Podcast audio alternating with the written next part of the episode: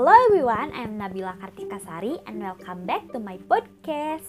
So, in this podcast, I would like to talk about the Indonesian labor cluster of the Omnibus Bill on Job Creation or RUU Cipta Kerja. Will it beneficial for millennial workers? First, what is Omnibus Law? Omnibus Law was created by President's administration to increase the interest of investing in Indonesia or to drive the country economy. The Omnibus Bill on Job Creation would amend 73 laws and consist of 15 chapters and 174 articles. The landmark bill will affect every single Indonesian as it covers a wide range of issues. So, the main sectors that encompassed by the Omnibus Bill are improvement of the investment and business ecosystem, employment opportunities, improve ease of operations, protections, and environment for micro, small, and medium scale enterprises, ease of doing business, research and innovation, land procurement, economic jobs, central government investment, and nationally strategic projects, implementation of government administration, and also imposition of sanction and why the omnibus bill on job creation so controversial and makes the society today human rights being protest to the government?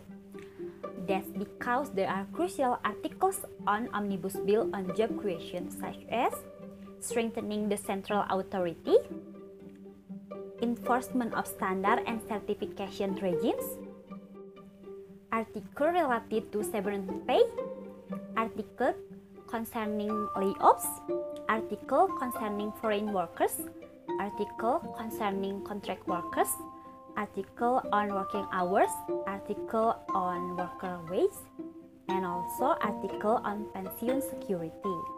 So, will it beneficial or for millennial worker? I think it can be beneficial and also prejudicial for millennial worker.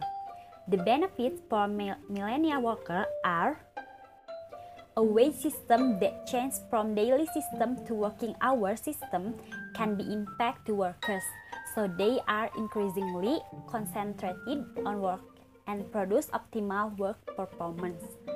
Then, the broader of job prospects because there will be a lot of new foreign capital companies will emerge and require local laborers. And then, entrepreneurs will be able to invest easily and the prejudicial for millennial workers are such as exploitative working hours and widespread outsourcing, loss of minimum wage, and then it would be difficult for millennial to find job in the future. So guys, there will be benefit and also prejudicial on everything. A millennial workers must be better on everything so they can be productive, innovative, and also creative on everything in this competitive era. And the companies should be care to local laborers or millennial workers so they would be benefit for each other between companies and the workers. I think enough. Sorry for any wrong. Thanks for hearing. See you on my next podcast.